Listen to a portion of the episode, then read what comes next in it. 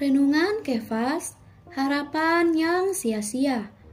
Yohanes 5 ayat 3 mengatakan, dan di serambi-serambi itu berbaring sejumlah besar orang sakit, orang-orang buta, orang-orang timpang, dan orang-orang lumpuh yang menantikan goncangan air kolam itu. Sejak zaman dulu, banyak orang mempunyai pengharapan yang sia-sia semacam ini, yaitu mengharapkan memperoleh kesembuhan bersandarkan suatu cara.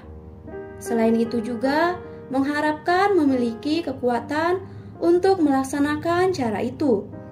Tetapi teman-teman, ketahuilah cara apa pun tidak ada gunanya. Orang yang sakit 38 tahun ini meskipun sudah lama sakit dan tidak sembuh, tidak ada gembira dan sentosa.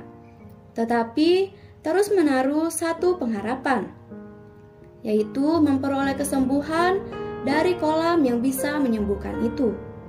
Lagi pula, dia juga mengharapkan dirinya mempunyai kekuatan melakukan cara memperoleh penyembuhan dari kolam itu. Tetapi pengharapannya ini adalah pengharapan yang sia-sia, sangat sulit didapatkan, karena ia sama sekali tidak memiliki kekuatan untuk melaksanakan cara datang ke kolam untuk memperoleh penyembuhan.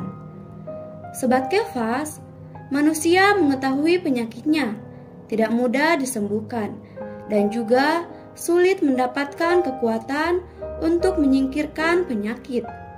Akan tetapi, dia sendiri masih mengharapkan mendapatkan penyelamatan bersandarkan suatu cara juga mengharapkan dengan giat melakukan cara itu.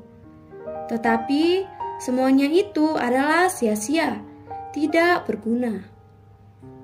Terang hari ini yang pertama, melakukan segala sesuatu dari diri sendiri sering gagal. Yang kedua, pengharapan yang sejati hanya ada di dalam Tuhan. Poin doa, berdoa agar kita dapat melihat pengharapan yang Tuhan telah sediakan bagi kita. Amin.